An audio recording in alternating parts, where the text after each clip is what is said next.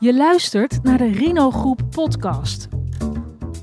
De podcast over psychologie en de mens achter de wetenschapper.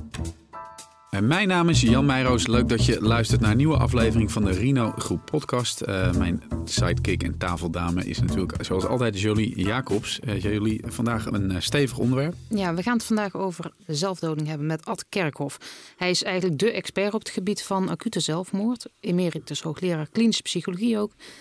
Overigens nog steeds betrokken bij onderzoek naar suïcide en zojuist bij ons aangeschoven aan tafel. Welkom. Goedemorgen. Ad, fijn dat je uh, bij ons te gast bent. We hebben natuurlijk een stevig onderwerp te bespreken. Hoe, hoe, kijk je er eigenlijk zelf naar? Want ik noem het stevig en Jan noemt het stevig, maar vind je dat zelf ook? Het is een uh, stevig onderwerp, ja. Ik vind het uh, vaak heel lastig om de goede toon te vinden, ook voor de luisteraars. En het niet te zwaar aan te zetten, maar ook niet te licht. Het vergt nogal enige diplomatie vaak om het op de juiste wijze aan te kaarten. Um, zou jij iets kunnen zeggen over hoeveel mensen er eigenlijk in Nederland zijn die met suïcidale gedachten rondlopen? Nou, dat is ook heel moeilijk te zeggen. Je hebt uh, suïcidale gedachten allerlei soorten en maten. Mm -hmm. Maar we weten dat uh, zeg maar zo'n 100.000 mensen per jaar wel in zekere mate aan suïcide denken. Gedachten hebben, vluchtige gedachten, terugkerende gedachten. Allemaal in meer of mindere mate van intentionaliteit. plannen maken of niet. Dus dat is eigenlijk heel moeilijk aan te geven van ja, hoe, hoe acuut of hoe zwaar zijn die gedachten en, en wat, uh, wat is het risico wat erbij hangt. Dat het is allemaal heel erg uh, individueel bepaald. Ja, nou heb je uh, hebben begrepen het verschil tussen mensen die chronisch suicidaal zijn en mensen ja. acuut. Ja. Nou, kun je kort uitleggen wat het verschil is? Ja, ik vind de acute suicidaliteit ook een beetje een rare term. Want uh, als mensen acuut suicidaal worden, dan zit het vaak, uh, is daar een, een, langdurige periode van kwelling aan vooraf gegaan en van ellende. En dat iemand dan suicidaal wordt op dat moment, is, het is vaak ook een, een uitvloeisel van een lange periode van depressie en een lange periode van ongelukkig zijn. En dan kunnen die soms lang bestaande gedachten aan suïcide kunnen planmatig karakter krijgen. Of mensen komen terecht in een soort kramp, een soort uh, maalstroom waar ze geen uh, weerstand meer kunnen bieden aan hun uh, aanvechtingen. En dan heb je natuurlijk toch ja, verschillende maten van acuutheid, verschillende maten van handelingsverlegenheid die je dan kunt hebben. Maar soms moet er gewoon gehandeld worden. wanneer mensen in zo'n draaistroom zitten, wanneer ze zich niet kunnen onttrekken aan hun als het ware stemmen in zichzelf die zeggen, nou moet je het doen. En dan heb je natuurlijk heel andere soorten van behandelingsmogelijkheden dan wanneer het gaat over iemand die jaar in jaar uit als het ware heel ongelukkig is en jaar in jaar uit aan suïcide denkt als de oplossing en dat tien jaar volhoudt, 15, 20 jaar volhoudt. Maar dat wil ook zeggen dat mensen 10, 15, 20 jaar lang diep ongelukkig zijn. Waarom overwegen mensen zelfdoding? Wat, wat ligt eraan ten grondslag? De vraag is of het een kwestie is van overwegen. In mijn praktijk, in mijn mm -hmm. uh, ervaring met patiënten, is niet zoiets als een, een, een overwegen van goh, ik zou misschien suïcide kunnen plegen of ik zou dit kunnen doen of ik zou dat kunnen doen. Het is meer iets wat zich opdringt en iets wat men als het ware als een dwang ervaart. Kun je ons meenemen in, in het hoofd van bijvoorbeeld een van je patiënten? Ik, ik maak een combinatie van verschillende hoofden, als ja. ik het zo mag uitdrukken. Ja, tuurlijk. Um, de, meest voorkomende patroon is, uh, zijn, zijn gedachten over falen, gedachten over dat het niet goed gaat, gedachten over eenzaamheid, gedachten over niet goed genoeg zijn, gedachten over uh, problemen in de relationele sfeer, gedachten over het werk. En op een gegeven moment gaan die gedachten, die krijgen een soort dwangmatig karakter, die, die worden herhaald, het wordt een gepieker. En mensen kunnen dan van het gepieker niet loskomen. En piekeren dan dag en nacht over hun eenzaamheid of over hun depressie. En dan komen gedachten naar boven van dit gaat nooit meer over, dat zal altijd zo blijven. Um, en op een gegeven moment komen de gedachten van ik kan er niet, niet beter dan maar niet meer zijn. Of ik ben iedereen tot last. Of dit hou ik niet meer vol. Het is een soort ik van trek het niet meer. liedje wat je continu in je ja. hoofd hebt en dat Ja. wil er maar niet uit. Ja. Alleen wo- wordt het zo negatief. Ja. Is dat ook vaak iets wat, wat mensen dan uh, heel erg bij zichzelf houden? Dat ze daar Ja, hoor, ja, niet, niet ja. veel mensen praten piek- mee. piekeren ook in stilte. En, en zijn er wel 24 uur dag met, per dag bezig met piekeren zonder het aan anderen te, te laten weten. En dat is natuurlijk heel gevaarlijk. En ook wel heel, heel verdrietig eigenlijk, toch? Dat is heel verdrietig, ja. Mensen maken zichzelf dan ook nog eenzamer dan ze al zijn. Hè, en onttrekken zich ook aan hun uh, verbindingen met mensen. Uh, vooral vanwege de, zoals we dat noemen, perceived burdensomeness. Hè, de, het idee anderen tot last te zijn, maar dat is geen mening. Op een gegeven moment wordt dat een waarheid. Ik kan er maar beter niet meer zijn. Andere mensen hebben last van mij. Ik ben mijn ouders alleen maar tot last. Ja, en dat, en dat hoeft niet per se waar te zijn, maar je gaat er zodanig zelf in geloven. Ja. En dat wordt dan een soort zelfindoctrinatie, waarbij op een gegeven moment mensen echt dat als waarheid aannemen. En dan kun je terechtkomen in een soort waan. Uh, ik, ik verdien er niet om te bestaan en andere mensen hebben alleen maar last van mij. En wat, wat, wat doe je in zo'n situatie? Je hebt iemand tegenover je zitten, die is hiervan overtuigd. Ja, betrek de uh, familie erbij, betrek de naasten erbij, betrek de partners erbij. Want vaak um, onttrekken mensen zich aan hun uh, betrekkingen. Maar soms ontkennen ze de betrekkingen die ze hebben. Uh, vanuit de, de, de relaties bedoel de je dan of niet? Ja. Dus uh, dan, dan is van het allergrootste belang om de ouders erbij te betrekken of de, de partner erbij te betrekken. En dat, dat moet dan ook met alle mogelijke kracht gedaan worden, want die waan moet doorbroken worden. En dat kun je eigenlijk alleen maar doen samen met de, de naasten. Maar is het dan, want het klinkt zo ja. ja bijna simplistisch, om, als je zegt, uh, goh, klopt dit ook? Uh, vraag je aan een ouder. En die ouder zegt uiteraard, neem ik aan, nee, ik hou hartstikke veel van mijn zoon, dochter. Is het daarmee, kun je daarmee doorbreken? Met die soms, ene zin? Soms wel. Um, nou, heel vaak ook niet, vrees ik. Nee, soms ook niet. Maar dan wordt het dus wel heel uh, kenmerkend en dan gaan we er heel diep op in. Van luister eens, geloof je nou wat je vader en moeder zegt? Ja. ja. En luister eens, als, jou, uh, als jouw vader en moeder zeggen ik heb geen last van je, dat klopt natuurlijk niet wel. Ze hebben wel last van je. Met jouw gepieker en jouw depressieve gedoe. Mm -hmm. En als jouw ouders daar last van hebben, dan zullen ze het best wel eens lastig vinden. En natuurlijk ben je wel eens, bezorg je wel eens overlast. Maar betekent dat dat ze van je af willen? Want dat zeg je eigenlijk. Het zijn twee verschillende dingen dat natuurlijk. Verschillende ja, dingen. ja. En dan zit je toch vaak in de, de, de kern van de suicidale problematiek. Ja. Dus je behandelt eigenlijk dan niet één persoon, maar in dit geval bijvoorbeeld een heel gezin. Ja. Ik zeg, als ik iemand in behandeling krijg, dan heb ik eigenlijk in feite ook de, de naaste uh, relaties ook in behandeling. Want het, het, is altijd relationeel, vooral in de consequenties natuurlijk. Maar vaak ook relationeel wat betreft de, de, de origine, de, de etiologie van het suicidale denken. Dus dan moet je toch maar eens de, de, de, de relatie centraal ja. stellen. Zijn die relaties ook vaak het probleem? Um, nou ja, wat je heel vaak ziet bij mensen met suicidaliteit is dat als het ware uh, ook vanwege de depressie de relaties als het ware koud worden. Dat mensen in afstand komen. Dat is ook een kenmerk van, van depressie. Dat is ook een affectieve stoornis. Het affect verdwijnt en mensen kunnen zich als het ware niet meer voelen, weten niet meer hoe het voelde om van hun vrouw te houden. En van hun kinderen. En dat, dat hoor je dan ook vaak. Dat mensen zeggen, ik zit aan tafel en ik weet, hè, met mijn kinderen en mijn vrouw, ik weet dat ze van me houden. Mm -hmm. Ik weet dat ik van hun houd. Maar het voelt, het voelt niet zo, ik kan het niet voelen. En dat is heel pijnlijk. Hè? Het, pijnlijk het pijnlijke besef dat je niet kunt voelen, is heel pijnlijk. En dan heb je toch een, een, een hele uh, explosief mengsel van, van depressiviteit, die zich als het ware uit in het gebrek aan verbondenheid wat mensen voelen, het gebrek aan gevoel mm -hmm. wat mensen voelen voor de mensen van wie ze heel veel houden. Dat is heel pijnlijk. Maar dus ook geen verbinding kunnen maken met jezelf. Uiteraard. Mm. Dat gaat samen. Op zo'n moment, wat gaat er door jou heen? Alle behandelmethodes die mogelijk zijn? Of hoe, oh, nee, hoe werkt dat? Ik, ik, ik, probeer zo weinig mogelijk te behandelen in eerste instantie. Um, ik ga, wat ik altijd doe is eerst proberen te kijken wat is nou precies aan de hand. Hoe ver zit iemand in dat suicidale proces? -hmm. Hoe ver is hij met zijn gepieker? Hoe ver is hij met uh, zijn planvorming? Wat ziet hij voor zich? En, um, en, en eigenlijk um, is de, belangrijkste behandeling is het nauwkeurig in, uh, in kaart brengen van wat, wat, je aan het doen bent met dat suicidale proces. En één element daarvan is eigenlijk uh, van het allergrootste belang. Dat is als je aan suïcide denkt, dat kun je eigenlijk niet doen zonder er ook beelden bij te hebben. Intrusies. Intrusies. En dat is iets wat we eigenlijk nog onvoldoende weten en ook onze collega's nog niet voldoende van op de hoogte zijn. Is dat wanneer mensen aan suïcide denken, ze vaak ook gewoon voor zich zien hoe ze het gaan doen. Of daarover twijfelen, of meerdere methoden door het hoofd gaan, of gaan zitten zoeken op internet.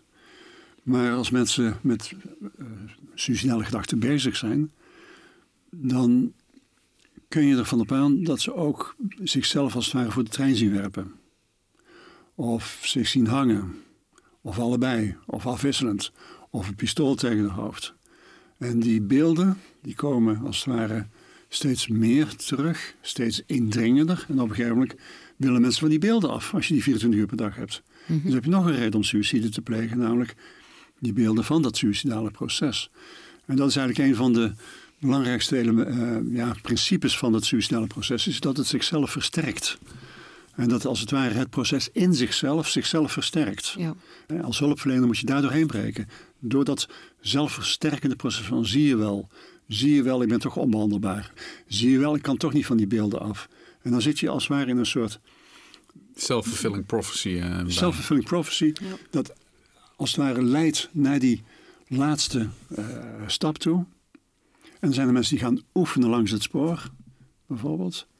Maar in hun bed liggen ze ook te oefenen. Dan hebben ze al drie keer langs het spoor gelopen, maar in hun bed uh, liggen ze ook daadwerkelijk. 24 uur per dag ook aan de spoor te denken, tot aan de grootste details en de kleinste details toe. Nou, als je, als je daarmee te maken hebt, ja. dan eh, als psycholoog, als, als, als hulpverlener of psychiater, dan moet je natuurlijk daar iets voor hebben. En dan, uh, ja, zijn onze zijn ouderwetse klassieke uh, methoden wat minder geschikt. Dus dan moet je. En gelukkig hebben we daar een nieuwe methode voor. Nou, daar ben ik dan meteen benieuwd naar. Dus fijne overgang ook. ik was zo, uh, zo hoopvol dat er iets zou komen. Ja, uh, vertel. Nee, we, we, kunnen namelijk die uh, mensen, als, als je weet hè, waar ze zitten, als, je, als ze dat onthuld hebben, als ze dat gezegd hebben, mm -hmm. dan kun je vragen van wat zou je ervan vinden om die beelden wat te systematiseren. Die beelden bijvoorbeeld niet de hele dag te hebben, maar op sommige momenten op de dag toe te staan. En op andere momenten wat, wat weg te houden. Dus bijvoorbeeld in plaats van 24 uur per dag, want sommige mensen hebben 24 uur per dag dit soort beelden. Ja. Wat zou je ervan vinden om dat terug te brengen naar, zeg, vier keer een uur? Of vier keer een half uur, maar laten we beginnen met vier keer een uur. Uh, s ochtends een uurtje, s middags een uurtje, s'avonds een uurtje. Heel praktisch eigenlijk. En, en s'nachts een uurtje. En dan proberen om die beelden, als het ware, tussen, tussendoor wat weg te mhm. houden. Uh, door bijvoorbeeld te zeggen, niet nu, maar straks. Dus in de agenda inplannen? Inplannen en dan gewoon zeggen, nou, weet je wat, we, als je nou toch bezig bent met die beelden, doe het dan beter. Niet de hele dag door, mm -hmm. maar een uurtje s ochtends, uurtjes middags. Dan, dan, heb je vier uur, dan heb je de rest van de tijd vrij. Ja. Dan kun je doen wat je leuk vindt. Wat er ook bij hoort, is dat mensen bang zijn de controle over zichzelf te verliezen. En als je heel erg bang bent om de controle over jezelf te verliezen, wat gebeurt er dan? Onmacht, wanhoop? Ja. Als je nou bang bent bijvoorbeeld om van je fiets te vallen, dat je evenwicht verliest. Dan raak je verkrampt. Ja. ja. Als je bijvoorbeeld tegen zegt, ik moet in Amsterdam niet in die tramrails fietsen. Dan ga je, juist, dan ga je dat juist doen. ja, ga je het juist doen. Ja, ja, ja, Maar op een gegeven moment zijn mensen zover dat ze zeggen, ik mag niet de controle over verliezen, ik mag de controle niet Dan verliezen ze de, controle, over zichzelf, ja. En veel mensen hebben al een keer eerder een poging gedaan en hebben al een keer de controle verloren over zichzelf. En zitten dan in zo'n situatie met aanvechtingen. En, en, en, weten dan dat ze al eerder de controle verloren zijn. En verliezen dan opnieuw de controle. En dan hebben ze toch echt wel steun nodig van een psycholoog of een psychiater of ja. iemand heel nabij. Om hen door die aanvechtingen heen te loodsen. Ja. We hadden het helemaal in het begin even over het overwegen uh, van zelfdoding. Hè? En, en jij eh, ging daar meteen op in.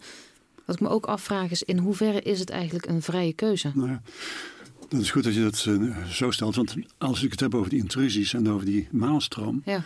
dan beweer ik dus in feite dat in heel veel gevallen... suicide geen vrije keuze is, maar een soort noodlottige...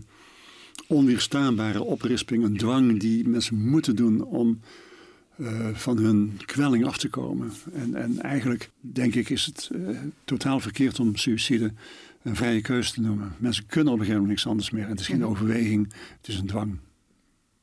Ja.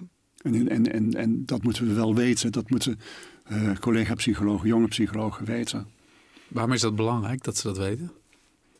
Nou ja, omdat uh, nogal eens vaak uh, mensen zijn, ook hulpverleners, die denken dat uh, suïcide een autonome wens is van mensen. Ja. En dat dat de, uiteindelijk een, een uitoefening is van het zelfbeschikkingsrecht. En dan zitten ze dus helemaal naast. Ja. Nou ja, je hebt natuurlijk meer van die stellingen die overal worden beweerd. En Mhm. misschien ook heel goed om die aan te kaarten hoor. Ja. Zoals het is een schreeuw om aandacht bijvoorbeeld. Ja. Wat kun je erover zeggen? Ehm, als mensen over suïcide praten, en als ze Ja. erover, dan is er vaak eh, sprake van een, een, een noodkreet om aandacht. Want eh, ja, ze trekken het zelf niet meer. Het lukt me niet meer om mijzelf veilig te houden. Dus ik heb jou nodig, ik heb andere mensen nodig. Dus dat is prima, het is uitstekend dat mensen aangeven dat ze met suïcide bezig Ja, en, zijn. en mensen zeggen ook wel eens, eh, die zijn dan heel boos als ze dan wel iets horen. Ja, hij is wel egoïstisch. Hij laat een vrouw en twee jonge kinderen achter. Nou ja, als het zo is, dan weet de persoon in kwestie zelf heel goed dat het top egoïstisch is om te doen. Maar zelfs dan, dat houdt ze niet, kan ze niet tegenhouden om die aanvechtingen te weerstaan. Nee. Dat maakt het nog des te verschrikkelijker, ja. het idee dat ze aan suïcide denken. Dus op dat moment ja, kun je vaak zien, hè, voor zover we daar, dat goed eh, in kaart hebben gebracht, dat mensen eh, hun betrekkingen ook verbro- verbroken hebben en Ja. er niet meer aan denken. Nee. En ook geen moment meer denken over de consequenties van anderen. En als je even naar de praktijk kijkt, Ja. hè, hoe, hoe gaan hulpverleners om met ehm suicidale mensen? Eh, Zit daar handelingsverlegenheid in? Hoe zie ik dat voor me? Nou, ik, ik, ik denk dat je. ehm, eh, je moet een onderscheid maken. Er zijn, er zijn heel veel soorten hulpverleners. Absoluut. En Ja. Er zijn heel veel mensen die eh, met hele zware problematiek te maken hebben. En er zijn mensen die met eh, eh, ambulante problematiek te maken krijgen. Er zijn mensen die het af en toe meemaken. Ehm, maar je kunt zeggen dat eh, in de op, vroeger in de opleidingen voor psycholoog, psychiater, eh, huisarts, et cetera, er eigenlijk nauwelijks aandacht was voor de suïcideproblematiek. Dat is tegenwoordig beter, maar nog lang niet goed genoeg. Het is lang nog niet zo dat alle psychiaters en alle psychologen eh, de, de basisprincipes van eh suïcidologie meekrijgen. Dat is eh, echt nog een onontgonnen terrein. Dat, dat kan veel beter. Waardoor, je, waardoor ik ook weer heel vaak te maken krijg met hulpverleners die naar mij komen en zeggen helemaal getraumatiseerd te zijn vanwege een suïcide van de patiënt. Mhm. En die komen dan bij mij omdat ze ja, eh, ja, niet meer kunnen slapen, schuldgevoel. En zeggen, ja, maar ik was incompetent. Ja, dat klopt. Dat, besef je achteraf. Dat je niet in staat was om die suicidaliteit goed te behandelen Of, of überhaupt te herkennen. of te herkennen. Ja. Wat maakt het opleiden zo effectief? Nou, de, de, de, de- het effect van de opleiding is dat je mensen opleidt om contact te maken met suicidale patiënten. Daar gaat het om. Hoe kom je in contact met een patiënt? En eigenlijk is het maar heel simpel. Je kunt contact met de patiënt krijgen over zijn suicidaliteit. Als je dat doet, dan maak je contact. Als je dat niet doet, dan voelt hij zich afgewezen. En eh, ja, heel veel hulpverleners eh, die, die, die, die snappen dat nog steeds niet. Mensen denken van ja, ik moet eerst contact hebben met de patiënt en dan kan ik pas van die moeilijke vragen stellen over de suicidaliteit. Nou, dat is niet waar. Het is juist andersom. Als je contact maakt, als je vragen stelt over de suicidaliteit, dan maak je contact met, eh met suicidale patiënten. Dat is ook de eerste richtlijn de eerste is maak contact. Hè. Dat is de eerste wat er staat in de richtlijn. Maak contact met de patiënt over de suicidaliteit. En dan komt nog een keer maak contact, maak contact, maak contact. Dat is het allerbelangrijkste.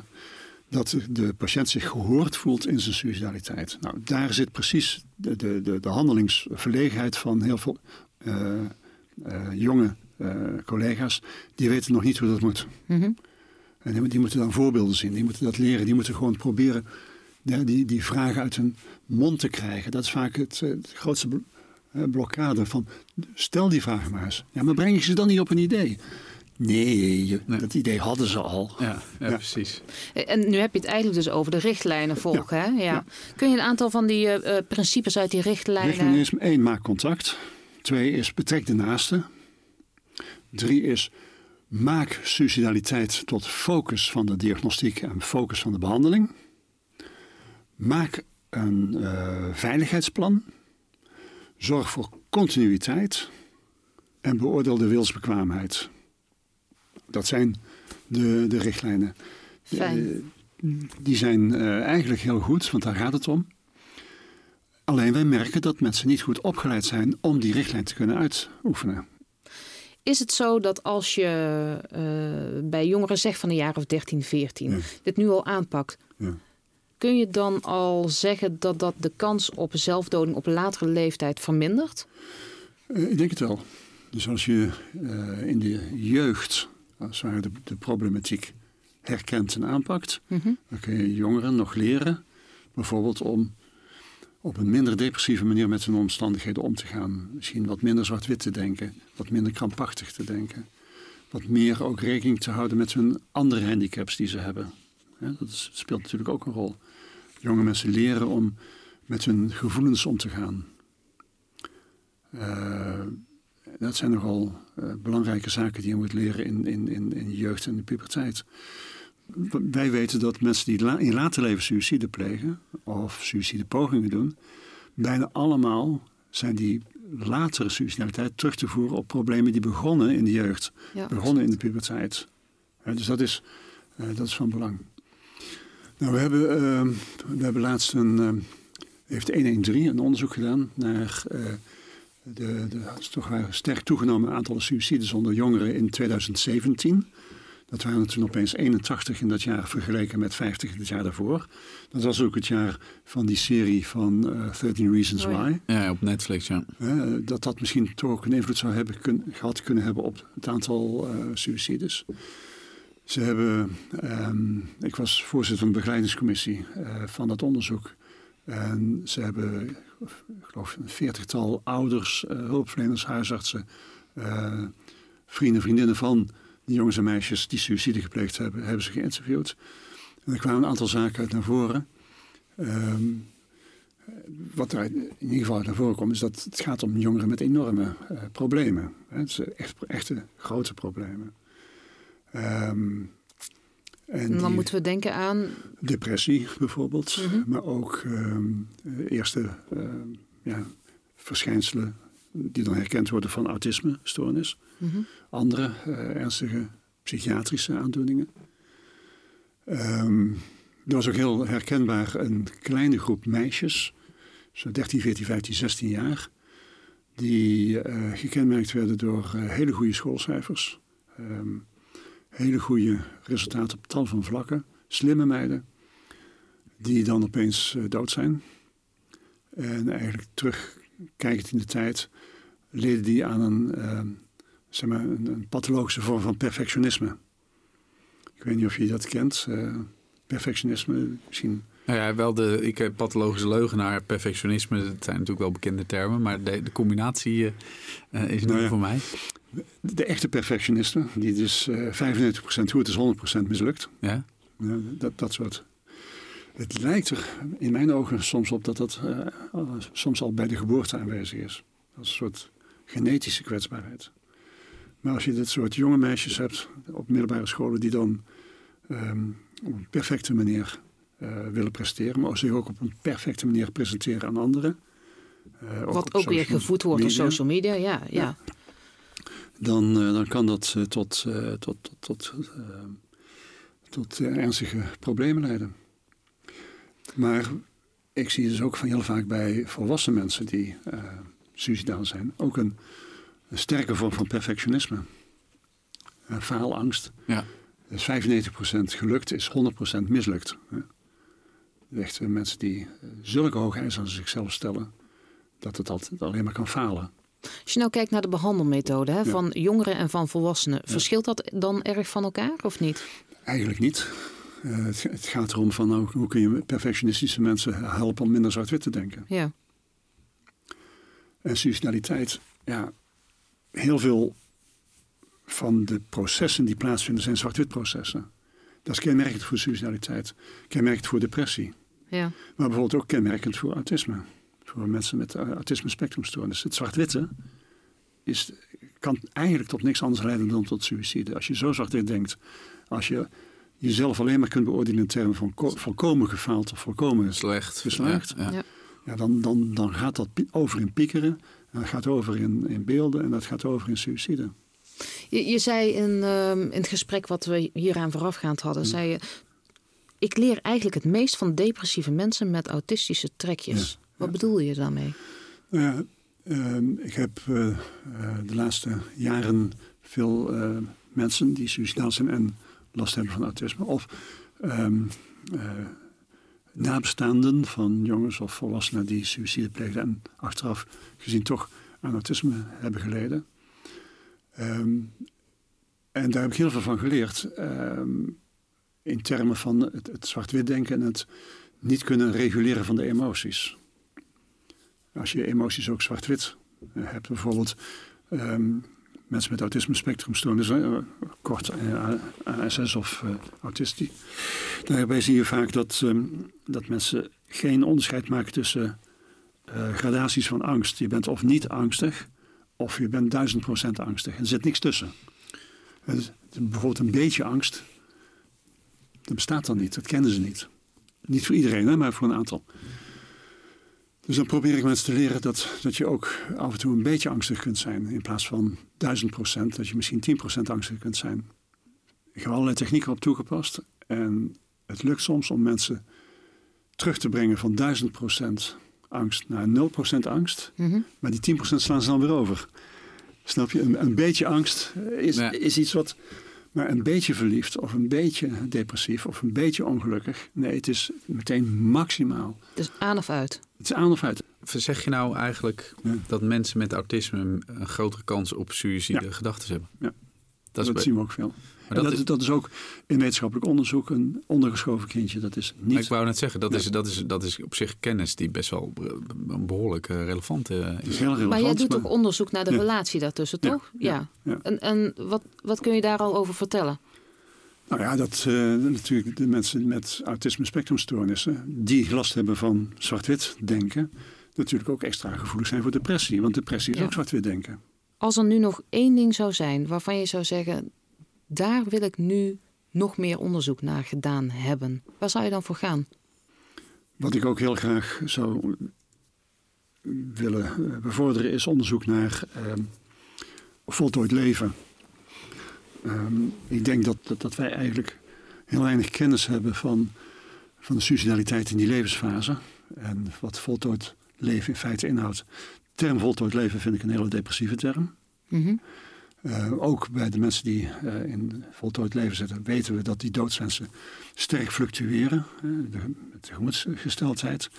Het is helemaal niet zo dat die mensen ehm, willen ze weten één, één doel hebben, maar dat dat ook fluctueert. Ik denk ook dat de problematiek van voltooid leven, dat we daar veel meer psychologische kennis in moeten pompen. En dat het helemaal niet zozeer gaat om ehm, eh, ja, eh, mensen die hun zelfbeschikking willen, eh, willen uitoefenen. Maar Ik denk dat het heel vaak gaat om mensen die, als het ware, wanneer ze doodgaan, juist hun zelfbeschikking niet hebben uitgeoefend.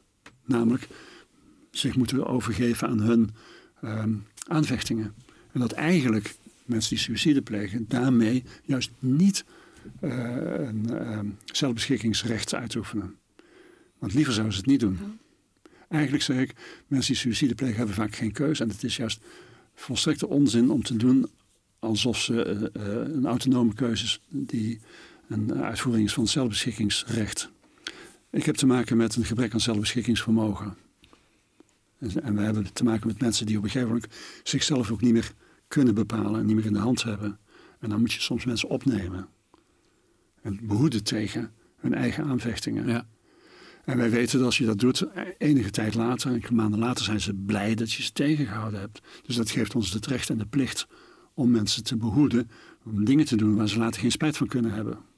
Dit was de Rino Groep podcast. Eh Ad Kerkhoff, bedankt voor je komst naar de studio. mocht je nou tijdens of na het beluisteren van deze podcast met gevoelens worstelen over zelfdoding, bel dan met 0800 0113. Je kunt ook bellen met 113 of je kunt naar de website 113.nl.